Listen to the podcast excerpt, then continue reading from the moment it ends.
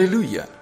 Pendengar yang terkasih dalam Tuhan Yesus di mana pun Anda berada. Damai dan sukacita menyertai kita semua. Renungan sau bagi jiwa yang disajikan gereja Yesus sejati berjudul Mementingkan Doa. Dalam nama Tuhan Yesus membacakan renungan firman Tuhan. Lalu kata mereka kepada raja, Daniel, salah seorang buangan dari Yehuda, tidak mengindahkan tuanku ya raja, dan tidak mengindahkan larangan yang tuanku keluarkan, tetapi tiga kali sehari ia mengucapkan doanya. Kitab Daniel pasal 6 ayat yang ke-14.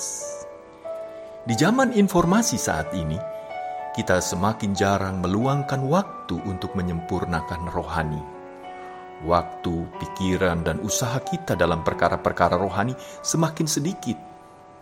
Sebaliknya, kita lebih banyak menggunakan waktu kita yang terbatas untuk bermain telepon genggam, bekerja, makan-makan, beristirahat, dan rekreasi.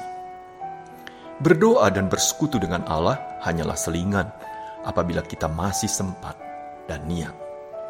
Ada boleh, tidak ada ya sudah waktu doa kita terus tergeser oleh urusan-urusan lain. Bukannya kita tidak tahu pentingnya doa, tetapi sifat malas membuat kita tidak serius melakukannya. Daniel memelihara sikap doa yang sangat berbeda dengan kita saat ini. Demi berdoa dan bersekutu dengan Allah, dia bahkan rela mempertaruhkan nyawanya. Di masa tuanya, Daniel dijebak oleh orang-orang yang ingin mencelakainya oleh karena kebiasaan doanya. Tetapi dia terus berdoa seperti biasa, tiga kali sehari bersekutu dan menyembah Allah. Dia sama sekali tidak berubah oleh karena larangan doa yang ditetapkan. Orang-orang jahat kemudian mengadukan Daniel kepada raja untuk dihukum mati. Raja Darius merasa sedih. Dia ingin menyelamatkan Daniel, tetapi tidak dapat menarik hukum yang telah dia tetapkan sendiri. Dia terpaksa memerintahkan agar Daniel dilemparkan ke gua singa. Untunglah Allah menyatakan mujizatnya. Dia mengutus malaikatnya untuk mengatup mulut singa-singa sehingga Daniel tidak dilukai. Daniel kemudian ditarik dari dalam gua, sementara orang-orang yang menjebaknya justru dilemparkan ke gua singa bersama dengan keluarga mereka. Mereka semua binasa oleh singa-singa itu.